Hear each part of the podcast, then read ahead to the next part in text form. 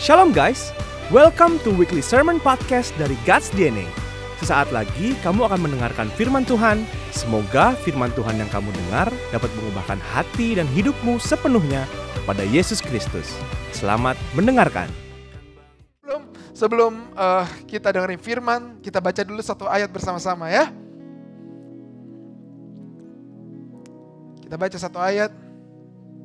Sebentar ya.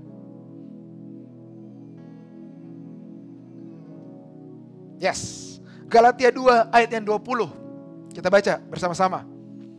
Buka Alkitabmu, karena percayalah walaupun udah pindah ke YouTube, tidak akan ada Alkitab yang terpampang di sini. Supaya kalian tetap melakukan 3B, bawa Alkitab, bawa catatan. Oh, saya senang banget.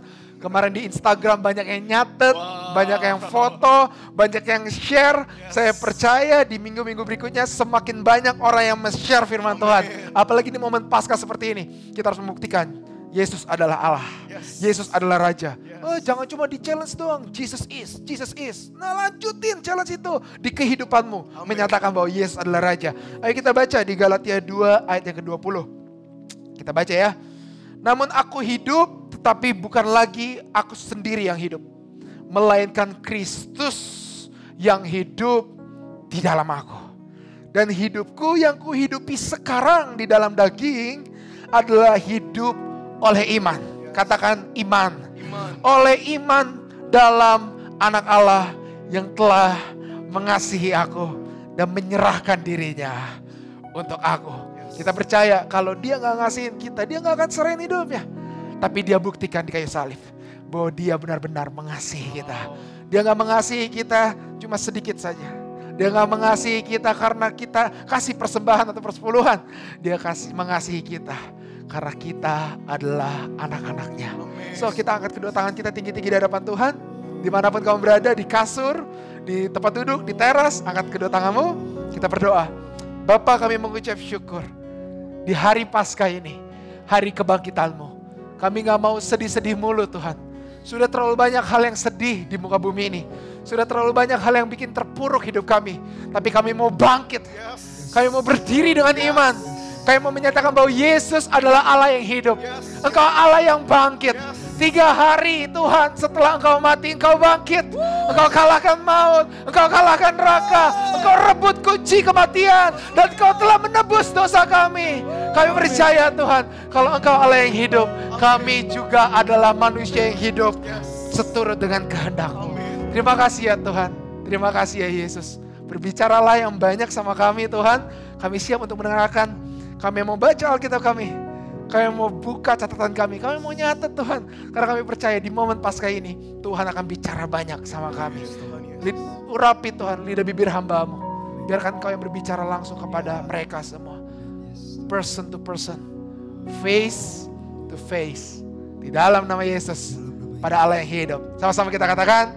Amin. Tepuk tangan yang meriah untuk Tuhan Yesus Tuhan kita. Haleluya. Thank you guys in worship. Silakan duduk. Saya agak berkhotbah lama, Kristen gak apa-apa duduk aja. Kalau kemarin sempat cepat khotbahnya, hari ini agak lama sedikit ya, gak apa-apa ya. Karena kita akan bahas firman Tuhan yang sangat luar biasa. Oke. Galatia 2 ayat 19 sampai yang ke-20. Pasang catatan kamu di situ supaya nggak berubah-berubah ya. Galatia 2 ayat 19 sampai 20. So, masih nggak ada jemaat di tempat ini. Jadi, tolong saya katakan amin. Katakan ya kalau mau tepuk tangan tepuk tangan yang niat. saya tahu bahwa komennya ternyata nggak dibuka. Jadi kalian nggak bisa emoticon tepuk tangan. Tapi coba kurangin dulu love yang dikasih. Lebih banyak catat daripada kasih love-love, oke? Okay? Tapi kalau di Youtube udah nggak ada love-love ya. Jadi bisa fokus baca firman. Galatia 2 ayat 19 sampai 20 kita baca sekali lagi ya. Kita baca ayat yang ke-19-nya. Jadi kita baca ayat yang ke-20 ya, sekarang kita baca ayat ke-19-nya. Kita baca dengan suara yang lantang. 3, 2, 1. Sebab aku telah mati oleh hukum Taurat untuk hukum Taurat. Supaya aku hidup untuk Allah. Aku telah disalibkan dengan Kristus. Namun aku hidup, tetapi bukan lagi aku sendiri yang hidup, melainkan Kristus yang hidup di dalam aku.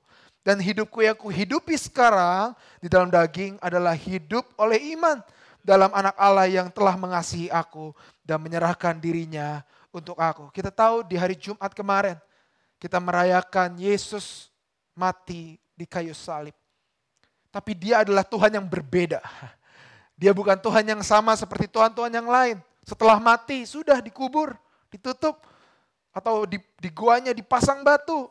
Tidak, tidak, tidak. Yesus adalah Allah yang berbeda. Yesus adalah Allah yang different. Allah yang yang beda daripada yang lain. Makanya Tuhan pengen kita pun hidup berbeda dibandingkan dunia ini. Kalau dunia bisa mati, gak bisa bangkit. Tapi kita anak-anak Allah, mati akan dosa, harus bangkit dengan firman. So, Jumat Agung kemarin kita merayakan Yesus mati. Tapi dia gak cuma mati dia bangkit pada hari yang ketiga. Dia bangkit, dia menyatakan dirinya, mengalahkan maut, menghapus setiap kutuk dosa di hidup kita dan membangkitkan iman kita. Dan di Galatia 2 ayat yang 19 sampai 20 berkata seperti ini. Sebab aku telah mati oleh hukum Taurat. Untuk hukum Taurat. Supaya aku hidup untuk Allah. Aku telah disalibkan dengan Kristus. Kita percaya bahwa setiap dari kita yang percaya dengan Kristus telah disalibkan bersama Kristus. Saya ingat banget cerita tentang di mana Yesus disalib dan ada orang di sebelah kiri dan kanannya yang seorang penjahat. Dan berkata kepada Yesus, apakah engkau benar-benar Allah? Kalau engkau Allah, ayo dong bantu aku. Tapi ada satu orang lagi yang menjawab, aku percaya bahwa engkau adalah Allah. Dan di situ Yesus berkata, engkau sudah bersama-sama aku di Firdaus. Sama seperti gambaran itu, itulah kita. Ada dua pilihan di mana kita disalib dengan Kristus. Karena dosa kita, karena kesalahan kita, karena pelanggaran kita, kita telah disalibkan oleh dunia ini. Seharusnya kita masuk neraka, kita dihukum. Seharusnya kita terima penghakiman. Kita disalib bersama dengan Kristus. Tetapi pertanyaannya adalah apakah engkau hanya ingin sekedar mati atau engkau mau meneruskan kehidupan? Yang membedakan penjahat satu dengan satu yang lainnya adalah yang satu mengalami kematian dan kematiannya kekal di neraka. Tapi yang satu lagi memutuskan untuk setelah mati dia mengalami kehidupan yang kekal bersama Kristus. Sama seperti hidup kita. Mungkin kita nggak disalib sekarang, kita nggak nggak disalib di gereja, oh harus disalib, harus dicambuk. Enggak, enggak, enggak. Tetapi secara rohani kita mungkin disalibkan bersama Kristus. Tapi pertanyaannya apakah kita mau bangkit bersama Kristus? Apakah kita mau cuma sekedar mati saja? Apakah kita cuma sekedar mau menerima pengampunannya saja? Apakah kita mau menerima cuma sekedar grace anugerahnya saja? Enggak, enggak, enggak. Kata Yesus, engkau bukan cuma sekedar mati, tapi engkau hidup untuk Kristus. Yesus gak pernah nyuruh kita untuk mati. Oh kamu harus mati. Mati untuk aku. Secara harafiah ya. Tetapi Yesus menyuruh kita untuk hidup. Untuk Yesus. Hari ini Mungkin banyak anak-anak muda yang berpikir, kok gue mau martir kok. Kok gue, gue, gue mau, mau keluar, gue mau menginjil, gue mau martir. Mungkin gak sejauh itu. Mungkin ada panggilan yang begitu dahsyat. Just do, do that. Just lakukan itu. Just, just lakukan dan penuhi panggilan itu. Tapi konfirmasi sama Tuhan dulu ya. Tapi mungkin engkau cuma berkata-kata hanya karena menggebu-gebu. Hari ini dengar baik-baik. Mungkin gak harus mati. Tapi engkau harus hidup untuk Tuhan. Kau harus hidup untuk firman Tuhan. Mungkin kamu gak bisa jauh-jauh dulu menginjil. Mungkin kamu gak bisa jauh-jauh dulu martir seperti rasul-rasul pada zaman dahulu. Mungkin kamu gak bisa uh, karena duit kamu pas-pasan ke suku mana, suku mana. Mungkin kamu gak bisa. Tapi hal yang paling simpel yang bisa kamu lakukan adalah kamu hidup untuk Kristus. Hidup seturut dengan firman Kristus. Engkau hidup seturut dengan gambaran Kristus. Karena kenapa? Yesus gak cuma sekedar mati. Yesus bangkit. Yesus hidup. Kalau kita serupa dan segambar dengan dia, maka kita tidak boleh terpuruk terus. Kita nggak boleh cuma ada di dalam kematian terus. Kita nggak boleh cuma sekedar puas sama pengampunan dosa, tetapi kita harus hidup seturut Kristus hidup. Hari ini mungkin kau merasakan kematian. Dengar, Yesus belum berhenti bekerja. Yesus gak berhenti bekerja di kematian. No, no, no, no, no. Secara fisik, dia berhenti di kematian. Tapi menurut alam roh, dia turun mengalahkan maut.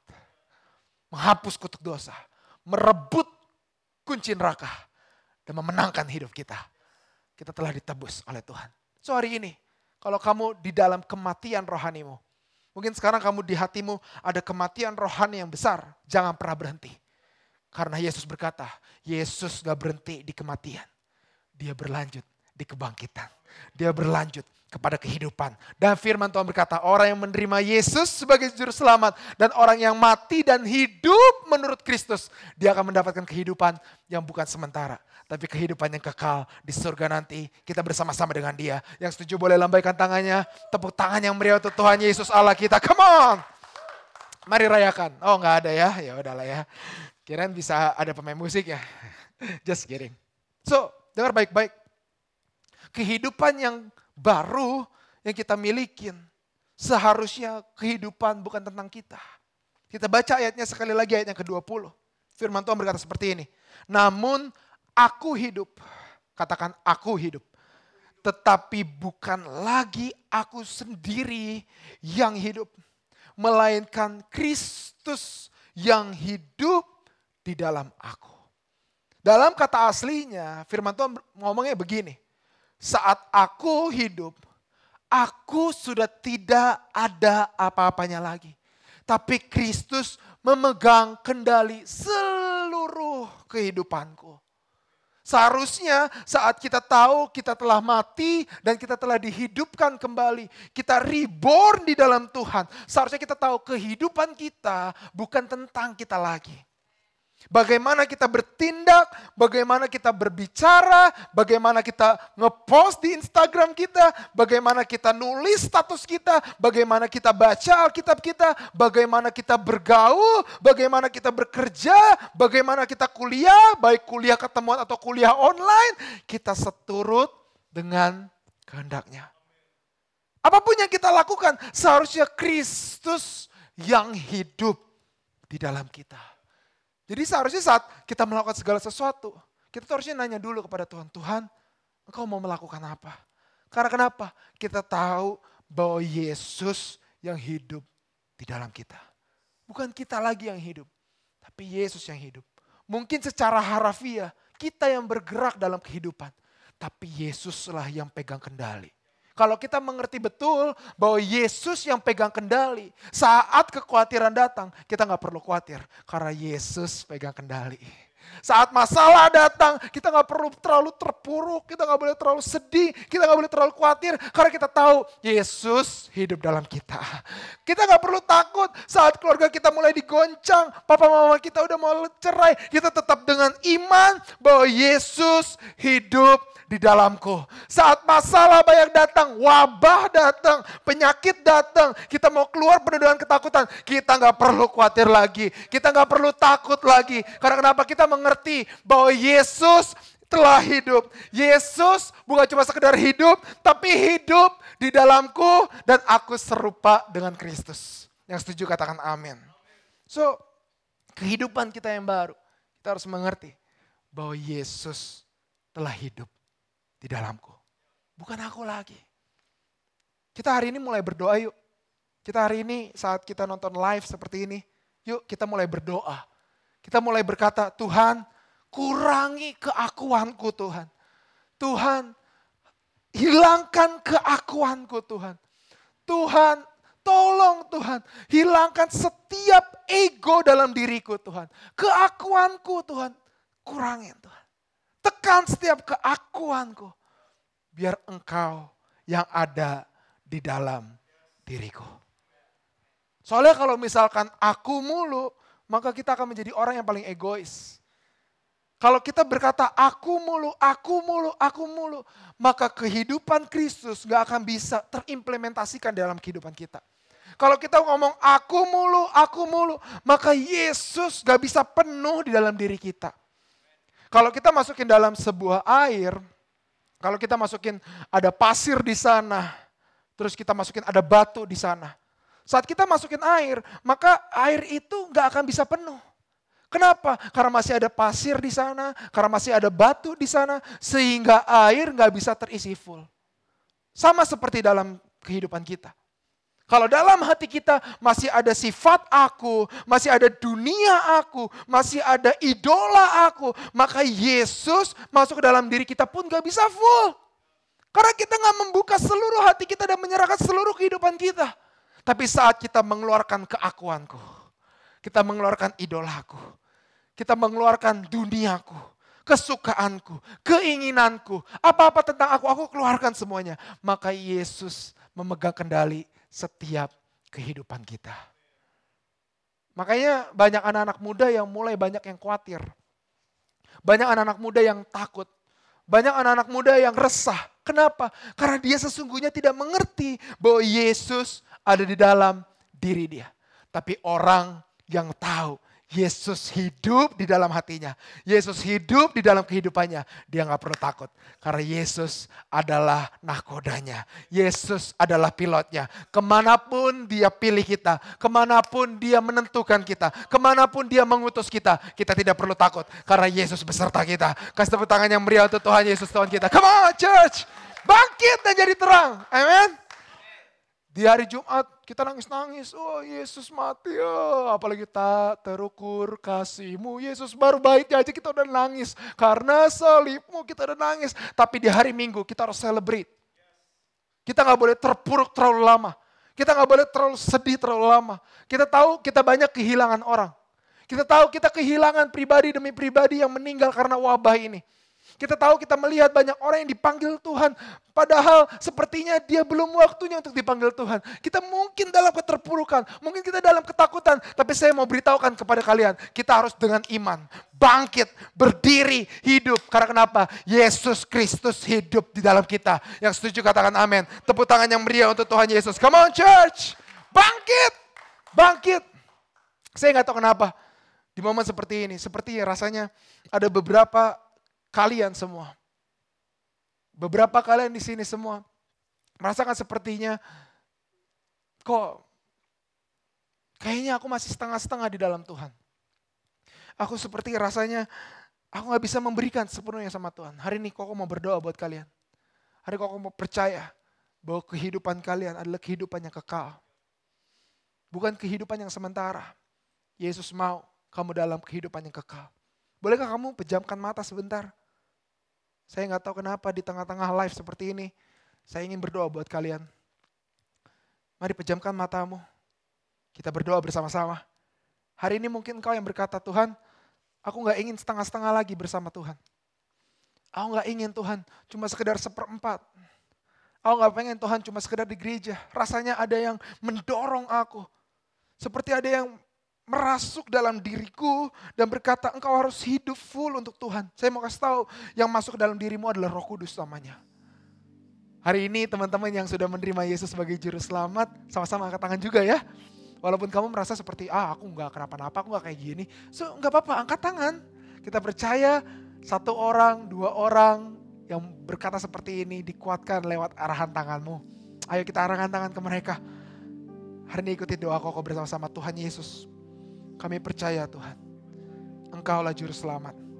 Kami percaya Tuhan, kehidupanku gak boleh setengah-setengah. Aku tahu Tuhan, kehidupanku gak boleh seperempat. Tapi aku ingin Tuhan, Engkau sepenuhnya bekerja dalam diriku. Aku ingin Tuhan, Engkau sepenuhnya bekerja di dalam aku. Tekan keakuanku Tuhan Hilangkan keakuanku Tuhan. Sirnakan keakuanku. Supaya engkau yang hidup di dalam diriku. Bukan aku lagi hidup. Tetapi Kristus yang hidup di dalamku. Dan saat Kristus hidup di dalamku, aku akan hidup seturut dengan gambar Kristus. Dalam nama Yesus. Amin. Kita kasih tepuk tangan yang meriah untuk Tuhan Yesus Tuhan kita. Haleluya. Saya ngerasain hadirat Tuhan begitu dahsyat di sini. Wow. Ngerasain gak sih hadirat Tuhan? Gue ngerasain hadirat Tuhan banget di sini. Dan you know, saat kita tahu bahwa Kristus hidup di dalam kita, maka cara pandang kita kepada kehidupan kita tuh berbeda. Saat kita mengerti bahwa Kristus hidup di dalam kita, maka cara pandang pada kehidupan lama kita sangatlah berbeda uh, kalau kalian ngelihat sekarang saya, wah kayaknya si Ko Andre ini pendeta ya banget ya. Kayaknya dia anak gembala banget ya. Wah kayaknya dia pastor banget ya. You know, setiap orang punya masa lalu. Setiap orang punya masa yang kelam. Saya pun demikian juga. Tapi saat saya menerima Yesus sebagai juru selamat, saya udah Kristen lama. Tapi di momen saya menerima Yesus sungguh-sungguh, saya melihat hidup saya di cerminan yang berbeda. Saya melihat di cerminan yang benar, bukan yang samar-samar. Sesungguhnya mungkin banyak anak-anak muda yang melihat hidupnya sekarang atau hidupnya masa lalu di cerminan yang samar-samar sehingga melihat dosa-dosa masa lalu sepertinya ya biasa aja lah Ya mabok, yang rokok, ya apa, ya biasa aja lah. Karena kenapa? Kita melihatnya dengan cerminan yang samar-samar. Tapi saat kita menerima Yesus sebagai juru selamat. Dengan bilur-bilur darahnya, pandangan kita akan diri kita dimurnikan, dijernihkan, dibersihkan. Sehingga dari pandangan yang samar-samar menjadi pandangan yang lebih jelas. Karena kenapa? Tuhan ingin kita melihat dalam suatu kejelasan. Tuhan gak pengen kita melihat dalam suatu hal yang samar-samar. Tuhan pengen kita melihat dalam suatu kejelasan. Rencana dia yang jelas. Rencana dia yang agung. Rencana dia yang clear. Panggilan dia yang clear. Utusan dia yang clear. Semuanya dalam suatu kejelasan. Karena kenapa? Dia mati, dia bangkit dalam suatu kejelasan. Dan saat kita menerima Yesus yang hidup itu di dalam kehidupan kita, bukan kita lagi yang hidup, bukan kita lagi yang memandang, bukan kita lagi yang bercermin, tetapi Kristus di dalam diri kita, sehingga kita melihat cerminan, bukan cerminan kita lagi, tetapi cerminan Kristus. Standar kehidupan kita bukan standar diri kita lagi, tetapi standarnya Kristus. Dan saat kita melihat standarnya Kristus, maka kita melihat masa lalu kita pun berbeda. Dan saat kita melihat masa lalu kita, saat kita menerima Yesus sebagai juru selamat, saya yakin dan percaya kita melihat itu adalah suatu hal yang sampahnya minta ampun. Betul gak? Waktu itu saya pertama kali menerima Yesus sebagai juru selamat, jujur, pasti kebanyakan orang yang altar call menerima Yesus sebagai juru selamat, pasti, pasti, pasti, biasanya orang bakal berkata, aku ini hina banget ya saat kita datang altar call, pendeta bilang, ayo hari ini mau bertobat terima Yesus sebagai juru selamat. Maju ke depan. Pasti kita akan maju ke depan, kita nangis dan berkata, kayaknya aku nggak layak deh. Kayaknya aku hina deh. Kayaknya aku kotor deh. Karena kenapa? Kita telah membuka hati kita untuk Kristus hidup di dalam kita. Sehingga kita melihat bahwa kehidupan kita begitu kotor. Kehidupan kita begitu hina. Kehidupan kita penuh dengan sampah dosa. Tapi coba bayangin kalau misalnya kita nggak buka hati kita. Coba bisa bayangin gak, kalau kita gak benar-benar menerima Yesus sebagai juru selamat, pasti kita melihat kehidupan yang lama kita adalah kehidupan yang biasa saja. Kehidupan yang gak sampah-sampah banget kok. Gue ngerokok gak sampah-sampah banget kok. Gue ngeberontak sama orang tua gak, gak rusak-rusak banget kok. Gue narkoba biasa aja kok. Karena kenapa? Cerminan diri kita adalah cerminan yang samar. Tapi saat kita mengerti Yesus telah hidup dalam diri kita Yesus yang suci, Yesus yang agung, Yesus yang membawa bilur-bilur darahnya menyembuhkan kita semua. Kita akan melihat, wah hidup kita kotor banget ya. Hidup kita gak layak banget ya. Hidup kita penuh dengan sampah banget ya. Tapi saya percaya saat kita melihat dengan jelas. Kita melihat kehidupan lama kita begitu hancur. Kehidupan lama kita begitu rusak. Kita gak akan mau kembali lagi karena Yesus telah hidup di dalam aku. Filipi 3 ayat 7 sampai 8. Kita baca bersama-sama. Filipi 3 ayat 7 sampai yang ke-8.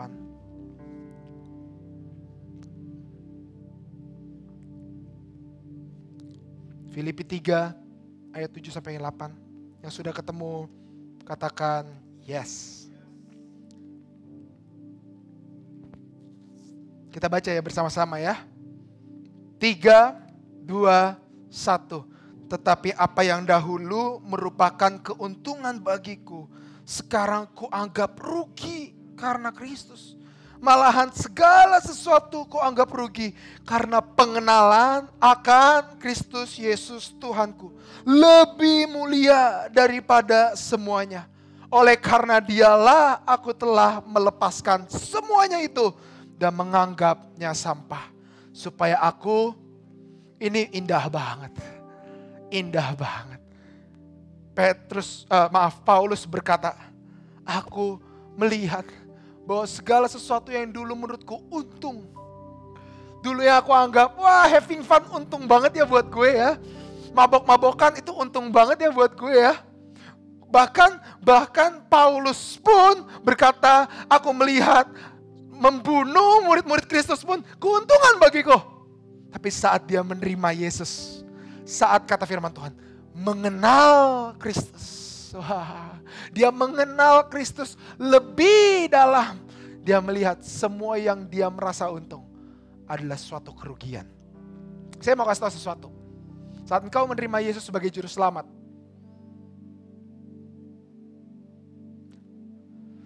Saat engkau menerima Yesus sebagai juru selamat untuk pertama kalinya, saya mau kasih tahu. Ada dua hal. Yang pertama adalah penyesalan. Dan yang kedua adalah suatu keuntungan yang baru. Maksudnya apa kok? Penyesalan. Bahwa setelah sekian lama, kamu gak pernah terima Kristus sebagai juru selamat dalam hidupmu. Itu adalah suatu penyesalan terbesar dalam kehidupan kamu. Tapi Yesus adalah Allah yang baik. Dia gak pengen kita terpuruk dalam penyesalan kita. Dia gak pengen kita terpuruk dalam kehinaan hidup kita. Dia gak pengen kita cuma di kayu salib terlalu lama kita nggak pengen, Tuhan nggak pengen kita ada di kayu salib dan dihina terus-menerus oleh diri kita sendiri. Bukan orang lain, diri kita sendiri. Tuhan gak pengen kita menyesal terlalu lama atas kehidupan kita yang lama. Tapi Yesus ingin kita melihat, untung gue udah terima Yesus sekarang. Sehingga suatu hari nanti kita akan mati. Suatu hari nanti Tuhan akan panggil kita. Suatu hari nanti akan ada pengangkatan kita sudah bersama-sama dengan Kristus. Hidup bersama-sama dengan Kristus. Di kehidupan yang baru. Saat mungkin hari ini fasemu adalah fase menyesal. Fase di mana, ya ampun, gue baru lihat kehidupan gue yang lama begitu hancur. Gue nyesel banget kenapa gue baru nerima Yesus sebagai juru selamat sekarang. Stop di situ. Cukup di situ.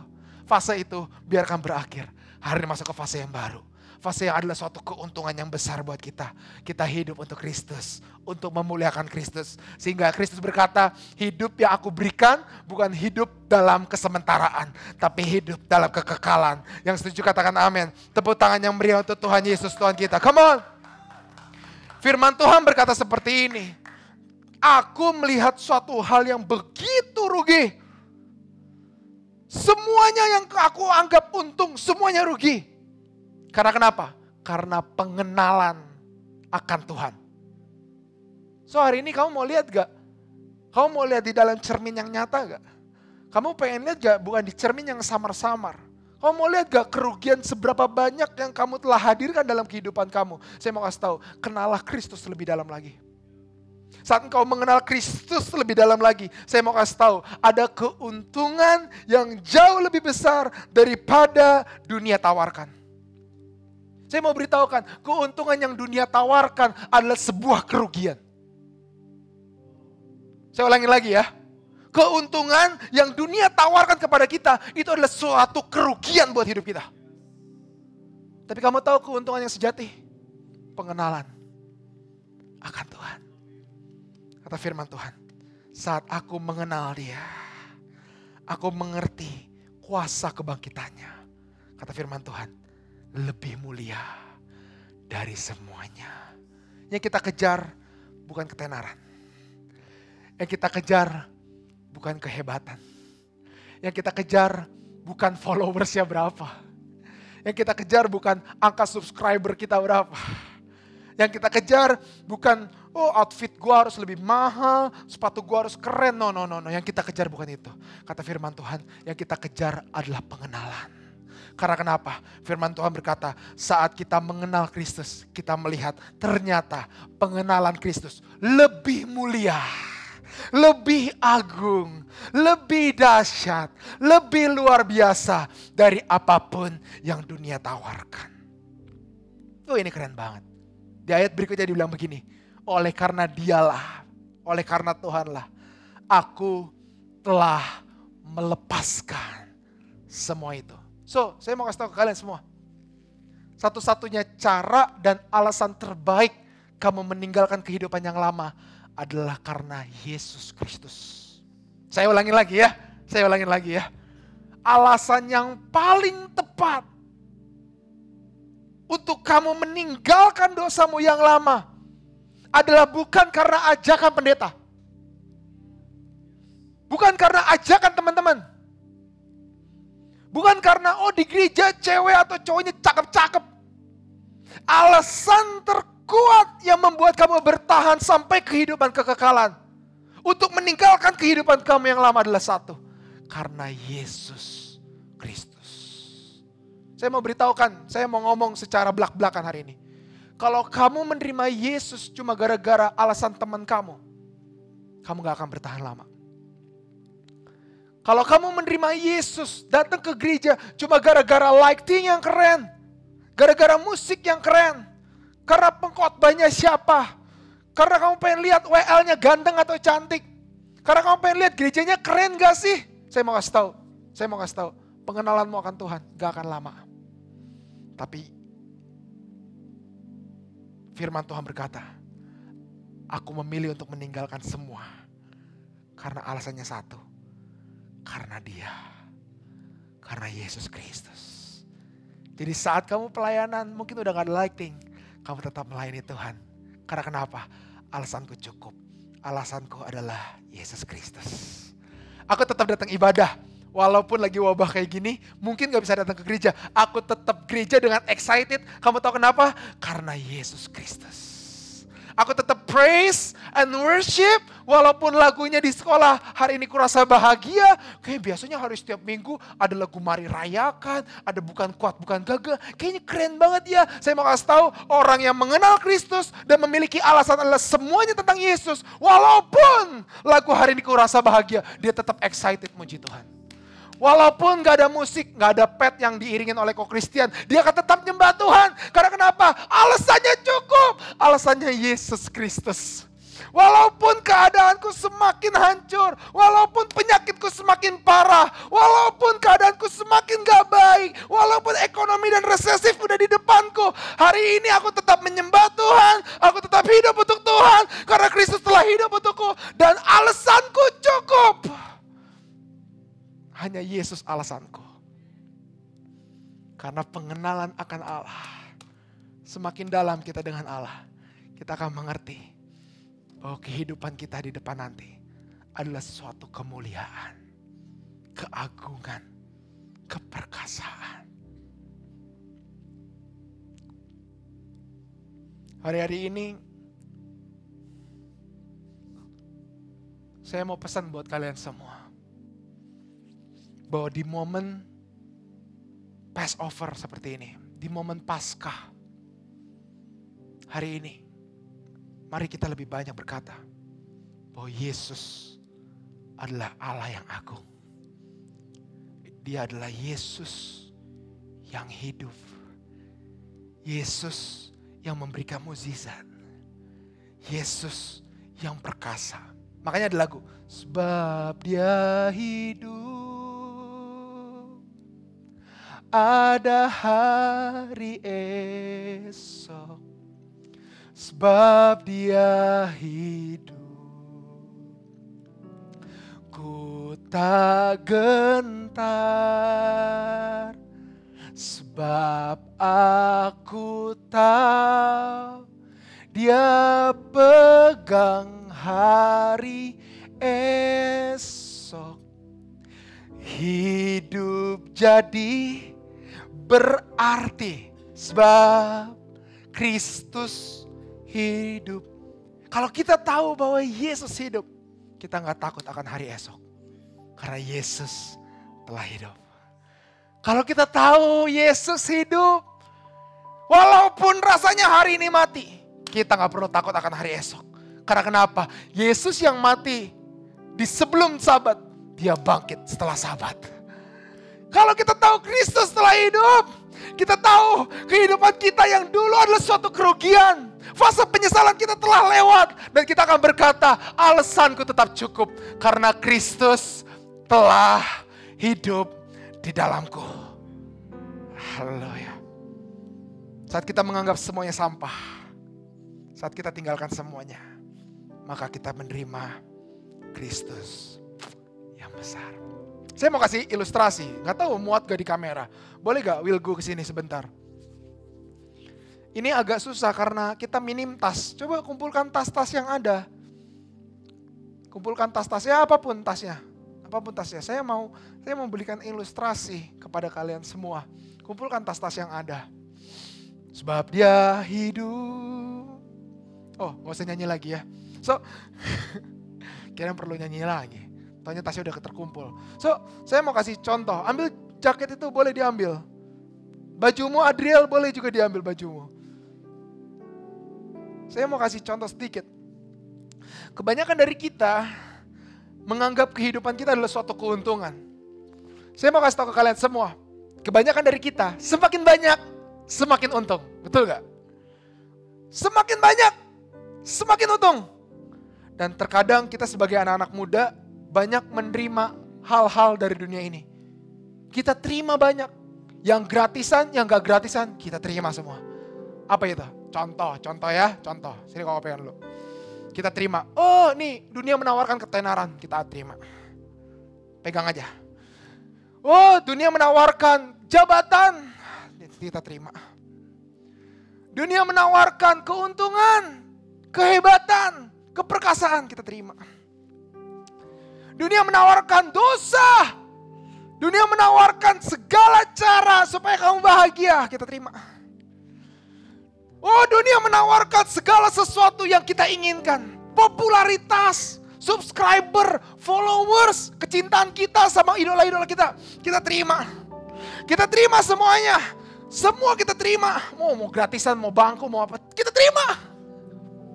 Dan saat Yesus masuk ke dalam dirimu, mungkin lewat teman kamu, mungkin lewat gereja, Yesus memberikan pengenalan akan firman Kristus. Dan kita nggak melepaskan apa yang kita punya dan menganggapnya rugi maka pengenalan ini nggak akan kita bisa pegang. Pengenalan ini nggak akan bisa dititipin, titip ya. Oke, dia akan cuma ada di situ. Tapi kamu nggak pernah mendalaminya. Kamu nggak pernah masuk ke dalamnya. Kamu nggak pernah lebih dalam lagi bersama Kristus. Karena kenapa? Kamu terlalu sibuk megangin apa yang dunia berikan. Kamu terlalu sibuk memegang semua keakuan yang kamu punya. Kamu pegangin semuanya. Sehingga Kristus yang kamu titipkan ini sementara. Gak pernah kamu dalamin. Kamu tahu apa yang harus kamu lakukan saat Kristus menawarkan kemuliaan yang besar, pengenalan Allah yang besar dalam kehidupanmu. Kamu harus meninggalkan keakuanmu. Kamu harus meninggalkan egomu. Kamu harus mulai lepaskan popularitas kamu. Kamu harus kamu harus mulai lepaskan egois kamu. Kamu harus melepaskan rasa ingin tahu kamu, rasa idola kamu kepada orang lain.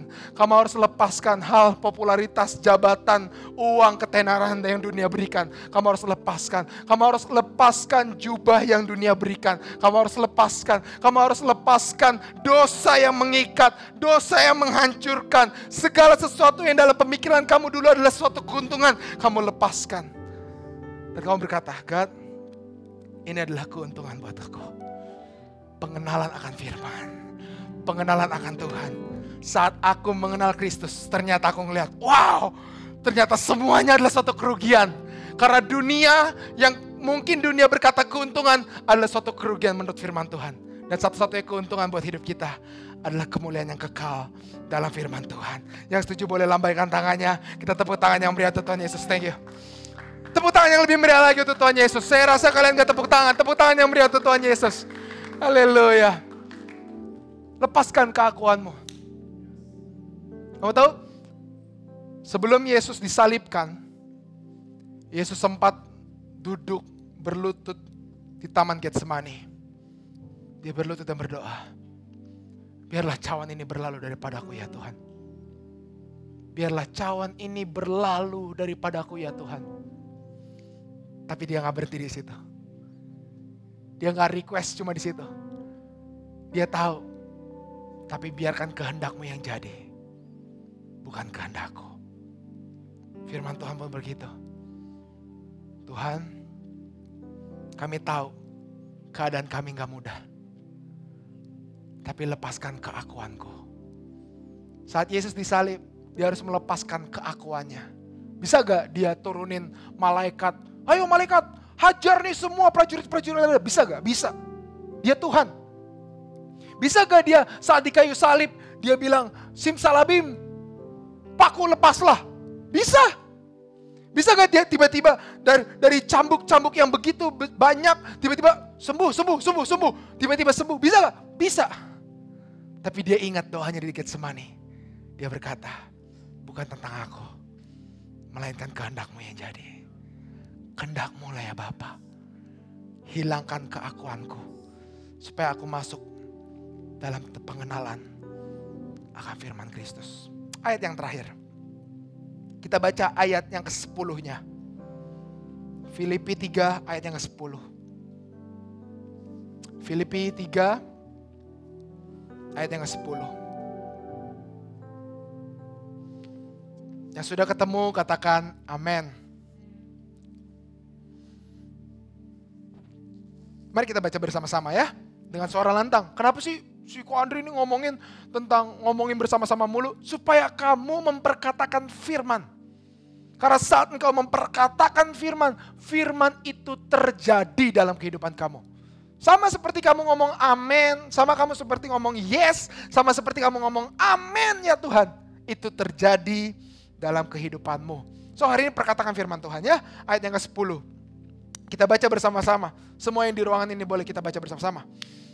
Karena ini ayat yang terakhir, mari kita bagi berdiri bersama-sama. Kita hormati firman Tuhan di mana pun kamu berada. Kalau mau di kasur, mau di kamar mandi mungkin, ayo berdiri. Kita hormati firman Tuhan.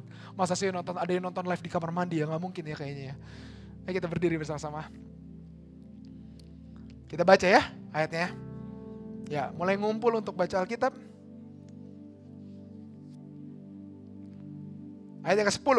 Kita baca bersama-sama. 3, 2, 1. Yang ku kehendaki ialah dan kuasa kebangkitannya dan persekutuan dalam penderitaannya di mana aku menjadi serupa dengan dia dalam kematiannya supaya aku akhirnya beroleh kebangkitan dari antara orang mati. Kita baca dengan iman sekali lagi dengan iman supaya kita mengenal kuasa kebangkitannya dan kita bangkit untuk Kristus. Tiga, dua, satu. Yang ku kehendaki ialah mengenal dia dan kuasa kebangkitannya dan persekutuan dalam penderitaannya di mana aku menjadi serupa dengan dia dalam kematiannya. Berikutnya, supaya aku akhirnya beroleh dari antara dengar baik-baik hari ini. Apa yang kita harus kehendaki dalam hidup kita.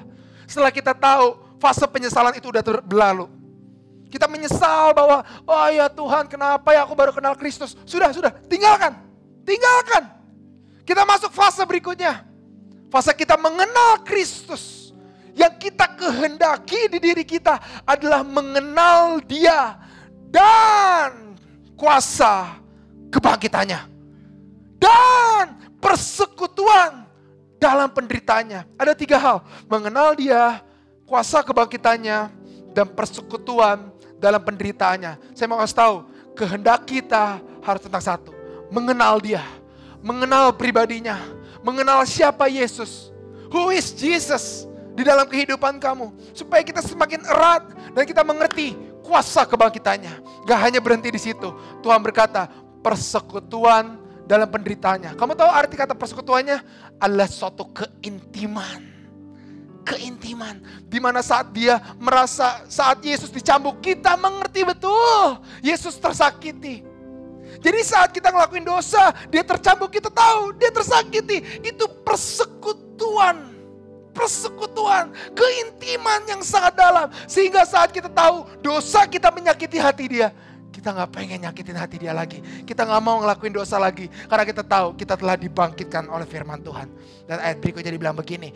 Aku menjadi serupa dengan dia dalam kemuliaannya. Kemuliaan yang Tuhan berikan bukan untuk hebat gagah kita. Kemuliaan yang Tuhan berikan untuk kita bukan supaya jadwal kita nambah.